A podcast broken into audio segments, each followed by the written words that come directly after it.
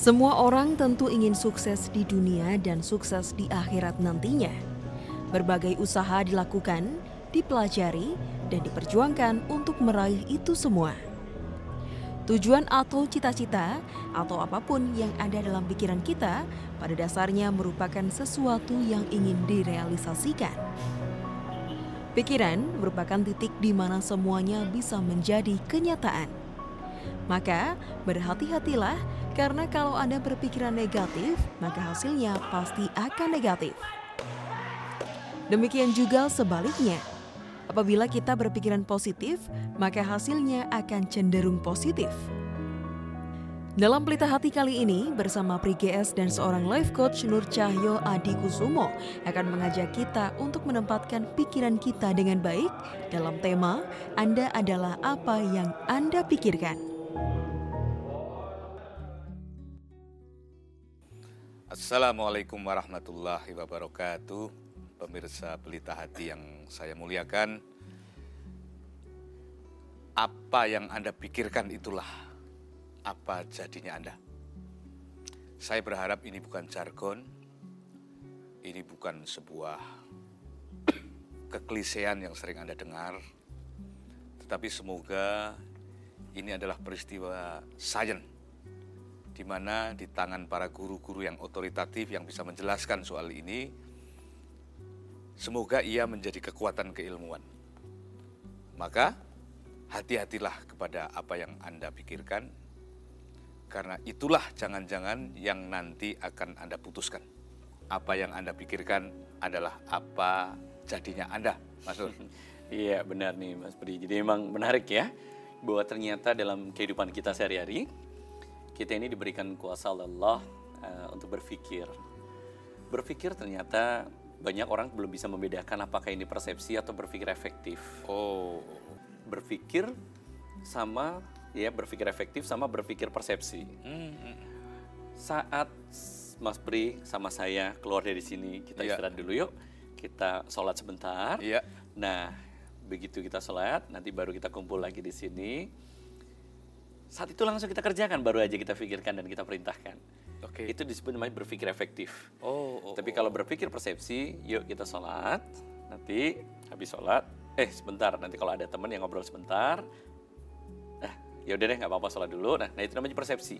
Hmm. Jujur dalam kehidupan sehari-hari kita ini lebih banyak mana berpikir persepsi atau berpikir efektif. Oh, oh, oh, oh.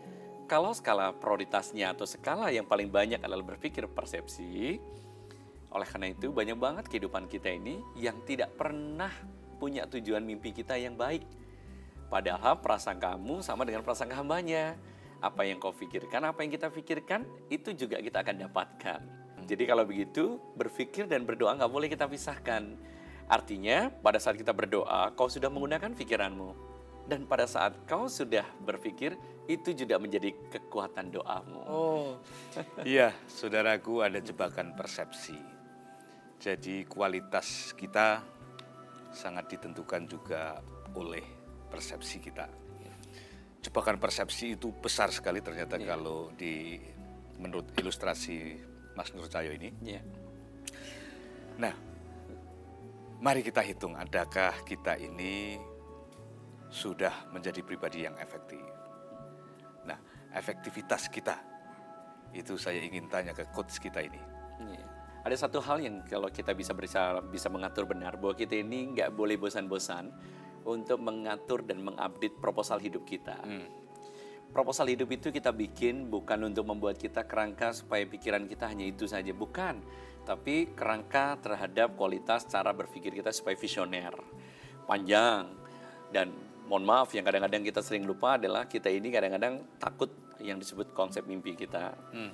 Umpamanya contoh, kita lakukan satu kegiatan atau Mas Bri melakukan sebuah kegiatan kita ini sering mengatakan ke orang bahwa berat, ringan itu karena membangun sebuah persepsi diri kita. Ya. Nah, ini contoh mamanya Mas Bri megang gelas ini ya. dengan tangan kanan.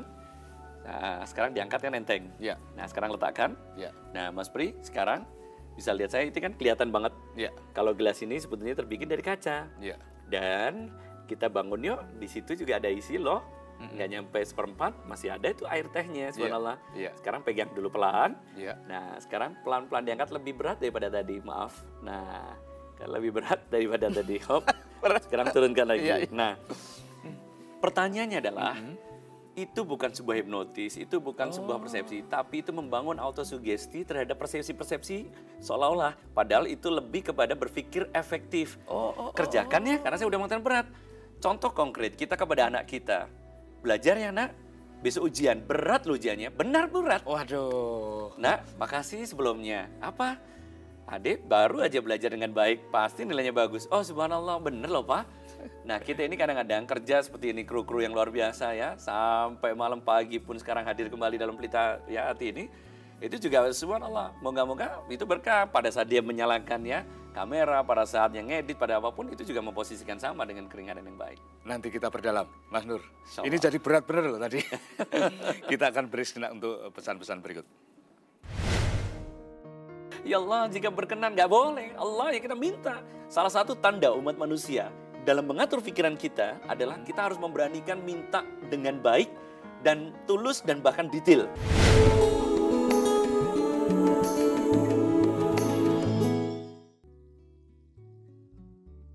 Anda adalah apa yang Anda pikirkan. Saya tadi menyangka Mas Nur Cahyo melakukan hipnosis, ya. Tapi ternyata beliau sama sekali tidak melakukan itu. Saya mengangkat cangkir di depan saya ini di dalam dua keadaan. Keadaan pertama betul-betul saya berpikir efektif, Mas Nur Ya. menyangka bahwa cangkir ini ringan dan saya mengangkatnya dengan sepenuh hati bahwa Iya. ini ringan. Tapi yang kedua itu ternyata memang ada faktor berat yang saya rasakan. Ya. Ini apa sebetulnya yang Ya, terjadi? karena saya sudah memberikan pikiran efektif kedua untuk memberikan sebuah prasangka bahwa apa yang diambil itu sebetulnya sudah isinya full dan dua gelas. Jadi prasangkamu menjadi kekuatan doa. Jadi kayak tadi kan kita menyuruh anak, menyuruh teman. Eh, enak dong kalau nyuruh istri mengatakan, "Bun, Mah, makasih sebelumnya. Ini enteng banget." Toh buktinya makanannya enak. Padahal belum makan. Tapi benar menjadi sebuah kekuatan doa, bukan hanya kepada kita memuji istri, bisa jadi nggak penting, tapi melihat ada sebuah kebesaran Allah di situ yang kita bisa berikan sesuatu sangka baik itu. Kalau begitu boleh dong kita susun benar 70% sampai 80% prasangka kita harus lebih kepada sesuatu yang kita inginkan. Itu orang-orang besar itu apa juga besar secara prasangka pada awal? Iya, setuju. Karena orang yang besar, artinya orang yang benar berpikir yang jiwa yang besar, itu pasti kerangka-kerangkanya sudah disiapkan ke hal-hal yang besar. Saya jadi teringat bagaimana founding fathers kita, para pendiri bangsa ini pada sebuah kekacauan keadaan semacam itu bisa memerdekakan negeri yang begini luasnya Iya. dengan sebuah infrastruktur politik maupun uh, Iya, teknologi yang sangat minimal. Iya. Berarti Soekarno itu, Gandhi, Sahrir, setuju. itu memiliki desain seperti ini, Iya. Mas Nur. Apa yang dia katakan? Apakah sudah terjadi? Belum. Apa yang disampaikan? Apakah itu menjadi sebuah kekuatan langsung orang percaya? Belum. Tetapi bahwa meyakini pada saat dia menyampaikan, sama seperti ibarat kertas putih yang begitu bersih. Iya. Begitu kita kasih titik noda hitam kecil di pojok, apakah tetap disebut putih? Hmm. Tidak. Nawa itu saat kita melakukan perubahan, saat kita melakukan pengambil keputusan, saat itu pula tidak berbicara gagal, tapi hanya berbicaranya bagaimana tanggung jawab terhadap keputusan. Iya.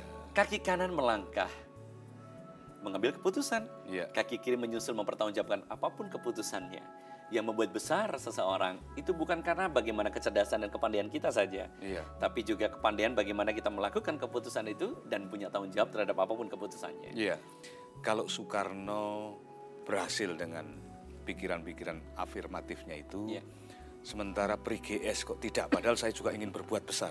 Ini apa yang salah dengan diri saya ini? Yang salah sebetulnya tidak ada. Yang salah itu kan satu, kita ini haus dan lapar tentang ilmu itu begitu penting. Nggak mungkin mulut itu terbuka, lebar, tertutup, berbicara kalau tidak seizin Allah. Hmm, Itu poin pertama. Jadi Iya, haus dan lapar dulu. Yang kedua, bagaimana supaya kita berlatih berpikir yang besar.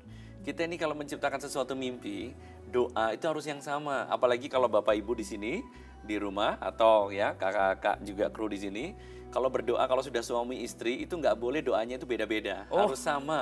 Iya, ini jarang kita sadari ya. Iya, saya punya sebuah pelatihan contoh aja. Suami, bapak-bapak, saya taruh di sebelah kanan. Dia nulis doanya apa, enam ya. Istri, saya tulis, tulis, tulis di sebelah kiri. Begitu disandingkan nggak ada yang sama. Bener nggak terkabul? Nggak benar. Begitu sama, ya terkabul. Masa sih malaikat bahkan lihat, aduh ini mau mana dulu yang dikabulkan gitu kan. Ini kok nggak jelas gitu kan. Nah jadi artinya memposisikan bahwa, oh benar ya, bahwa setiap apa pun komitmen, Iya. dalam berprasangka baik, dalam membuat prasangka indah yang baik, itu tolong disusun benar dan yakini bahwa itu akan terca- apa, tercapai tercapai dalam diri kita. Mm, mm, mm. Saya mau tanya deh, yang disebut beriman apa sih? Keyakinan kan? Mm, mm, Ya iya. kalau kita lagi nggak yakin, Mm, mm, mm, mm. kita lagi dalam kondisi beriman yang turun. Makanya nggak ada yang namanya di Al-Quran, di hadis, namanya iman setengah-setengah. Oke. Yang ada beriman dan tidak beriman. Suatu saat, Mas Nur mamanya atau Mas Bidi, Mas bilang Dalit, itu bisa nggak beriman. Kenapa? Nggak percaya. Sandaran kita bukan kepada Allah. Sandaran kita kepada, mohon maaf, cincin, kepada ya mobil, kepada apa pun. Nah kita kadang-kadang, aduh persoalan berat. Makanya itu yang menyebabkan kita, prasangka kita atau bahkan pikiran kita, jadi doanya jadi keliru. Iya. Dan bahkan nggak sungguh-sungguh. Contoh, ya Allah jika berkenan nggak boleh. Allah ya kita minta. Salah satu tanda umat manusia dalam mengatur pikiran kita adalah kita harus memberanikan minta dengan baik dan tulus dan bahkan detail. Kita ini kalau minta sama Allah nggak detail. Ya Allah, saya minta rumah. Klien saya kemarin dari Mas Nur, saya bener minta rumah, bener dapat apa? Tapi kontra ya Mas, "Lah, kenapa nggak bilang beli? Bilang, Itu bukan berarti mendikte Allah, bukan? Bukan. Allah itu bukan didekte. Allah itu dengan sebuah permohonan. Mas Nur saya udah malu minta. Mas Nur saya sudah malu mohon. Mm, mm, mm. Saya udah bersyukur aja deh, saya tobat aja. Iya. Tobat dan bersyukur itu juga bagian dari permintaan. Oke, saudaraku, eh, jadi ada anjuran dari Mas Nur agar kita berpikir detail. Permintaan pun deskripsikan dengan detail. Ya. Apa hubungannya dengan eh, Anda adalah apa yang Anda pikirkan dan pikiran detail seperti apa kita akan bahas setelah pesan-pesan berikut. Sama, saya juga mohon maaf saya hobi mobil. Iya. Saya bayangkan the BMW, saya bayangkan Alphard itu. Itu kerjanya cuma itu nonton pameran. Oke. Pokoknya nggak boleh sedikit pun nanya harganya berapa. Yang kita tanya apa manfaatnya kalau saya punya itu. Oke. Sejauh mana Allah memberikan titipan itu.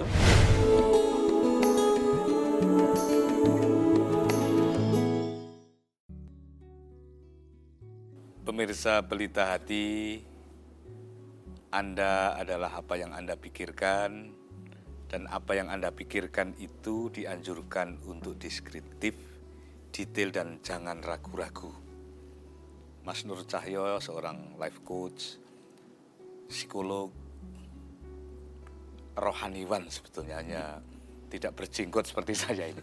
Saya ini menang jenggot doang, tapi tidak rohaniwan, Mas Nur. Sama aja. Nah, eh, saya tadi agak membandingkan kalau hanya soal mimpi, saya pasti punya mimpi yang tidak kalah oleh Soekarno, oleh Bung Hatta. Tetapi kenapa mimpi yang saya peroleh di dalam kenyataan tidak sebesar beliau-beliau? Di mana kekurangan mutu saya ini, Mas Nur? Iya. Arti saya termasuk saya juga. Artinya gini Mas Beri bahwa permisa di rumah juga sama kita perhatikan ya bahwa pada saat melihat seperti ini kita pasti punya sebuah pemikiran eh, dan bahkan bisa mengevaluasi buat diri kita. Iya. Dan yang menarik bahwa kunci utamanya adalah kita ini kadang-kadang mencapai dari bangun pagi sampai tidur kita ini untuk mencapai rileks begitu sulit. Rileks itu sebetulnya salah satunya mengistirahatkan seluruh lima indera. Makanya salah satu untuk menciptakan berpikir kita jadi indah dan baik bahkan toyib atau positif, salah satunya harus kita pelihara tingkat rileks kita. Cara rileks yang paling utama adalah kita bangun dulu yuk pikiran kita dengan mengerjakan hobi. Satu hari kalau sudah mengerjakan hobi satu jam saja, itu akan membentuk karakter cara berpikir kita juga akan lebih indah dan bahkan baik. Dan hobi itu, satu, dikerjakan dengan senang hati. Kedua, pasti punya nilai manfaat buat diri kita dan orang lain. Yang ketiga, pasti memberikan vibrasi motivasi terhadap diri kita dan bahkan nilai-nilai terhadap orang lain. Nah, dan itu begitu penting hobi ini. Nah, makanya kalau pemirsa di rumah dan Mas Pri termasuk saya, ayo dong, nggak usah ragu-ragu jaga hobinya. Ya, kalau ada pertanyaan Mas Nur, hobi saya belanja, itu bukan hobi, itu yang mal ya, bukan bukan zakat mal. Jadi artinya kualitas pada diri kita juga beda. Atau Mas Nur, saya hobi saya menikah, ya itu bukan hobi juga. Jadi hobi itu adalah bagian dari cara untuk bagaimana kita melakukan sesuatu yang berulang-ulang dengan senang hati, punya nilai manfaat buat orang lain, dan itu biasanya akan membuat kerangka berpikir kita juga akan lebih mudah untuk kita atur dengan baik. Sama saya juga mohon maaf saya hobi mobil. Iya. Saya bayangkan tuh BMW, saya bayangkan Alphard itu. Itu kerjanya cuma itu nonton pameran. Oke. Pokoknya nggak boleh sedikit pun nanya harganya berapa. Yang kita tanya apa manfaatnya kalau saya punya itu. Oke. Sejauh mana Allah memberikan titipan itu. Karena kita ini supaya kita pandai benar menjadi masterpiece dalam tanda kutip artinya yang terbaik menjadi tukang parkir. Heeh. Karena kalau begitu dititipin diambil nggak boleh marah Oke. kayak jabatan dan semuanya. Nah, Iya. pada saat kita bayangkan itu ya subhanallah. Saya dulu waktu SMP, SMA sampai mahasiswa kerjanya cuma pakai ikrom.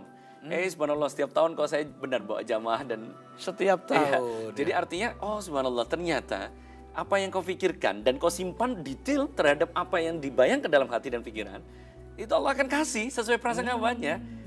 Iya. Jadi kalau nanti pemirsa di rumah tercerahkan bukan karena siapa Mas Nur, bukan siapa Mas Bri, tapi Ya, karena Allah izinkan benar bahwa ini menjadi sebuah tolak ukur bagaimana hati dan pikiran kita menjadi tercerahkan dengan siap kondisi yang baik kan Allah. Aduh, jadi kembali ayo kita teliti apa sebetulnya pikiran-pikiran yang sedang menjadi habit kita sehari-hari. Saya ingin Mas Nur melakukan closing statement untuk memberi tips kepada kita. Setengah menit saja Mas Nur. Iya. Iya. Alhamdulillah kalau kita berpikir pemirsa yang di rumah, Mas Bri, ada satu hal yang yuk yang harus kita lakukan hari ini. Biasakan benar bahwa apa yang kita pikirkan itu poin pertama detail. Contoh ya, pada saat saya pengen banget ya menjadi tamunya Allah. Do you fullah ya? Do you Rasulullah? Kita bayangkan benar bagaimana itu masjidnya, bagaimana itu ikramnya, bagaimana bertalbiyahnya. Labbaik Allahumma labbaik labbaik kala sari kala baik. Innal hamda wa nikmata laka wa mullah. Sekali kala. Konteksnya adalah membiasakan bahwa kita ini benar-benar seolah-olah berada di sana dan detailkan bagaimana tujuan hidup kita untuk menghamba kepada Allah. Poin yang kedua, yakinkan benar kalau memang gambar kita tidak atau belum begitu jelas, kita juga mulai berani menuliskan. Bahkan kadang-kadang saya tempel beberapa clipping gambar-gambar yang saya mau dapatkan. Dan pada saat Anda tempel di situ, Anda punya afirmasi, penegasan, meluruskan niatnya. Cara yang kedua, jadi supaya pikiran kita tidak ada yang lain kecuali itu yang kita insya Allah kita dapatkan. Yang ketiga, yuk mulai hari ini, yakinkan benar dengan tersenyum, buat apa kita berpikir yang baik kalau kita tidak juga membayangkan kebaikan-kebaikan hadir buat diri kita? Buat apa kita dapatkan kalau kita tidak mempertanggungjawabkan apa yang kita dapatkan nanti? Insya Allah pembersihan di rumah dan insya Allah ya Mas Pri, ayo mulai hari ini pagi menjadi pembuka pintu rezeki kita, pagi menjadi pembuka pikiran kita dan pagi insya Allah kita akan dapatkan apa yang kita pikirkan. Ayo kita perkuat pikiran kita agar kita menjadi pribadi-pribadi yang kuat sekuat pikiran kita. Insya Allah kita akan ketemu di Pelita Hati berikutnya, masih bersama Nur Cahyo. Semoga bermanfaat. Saya Pri GS. Saya Nur Cahyo Adi Kusumo. Assalamualaikum warahmatullahi wabarakatuh.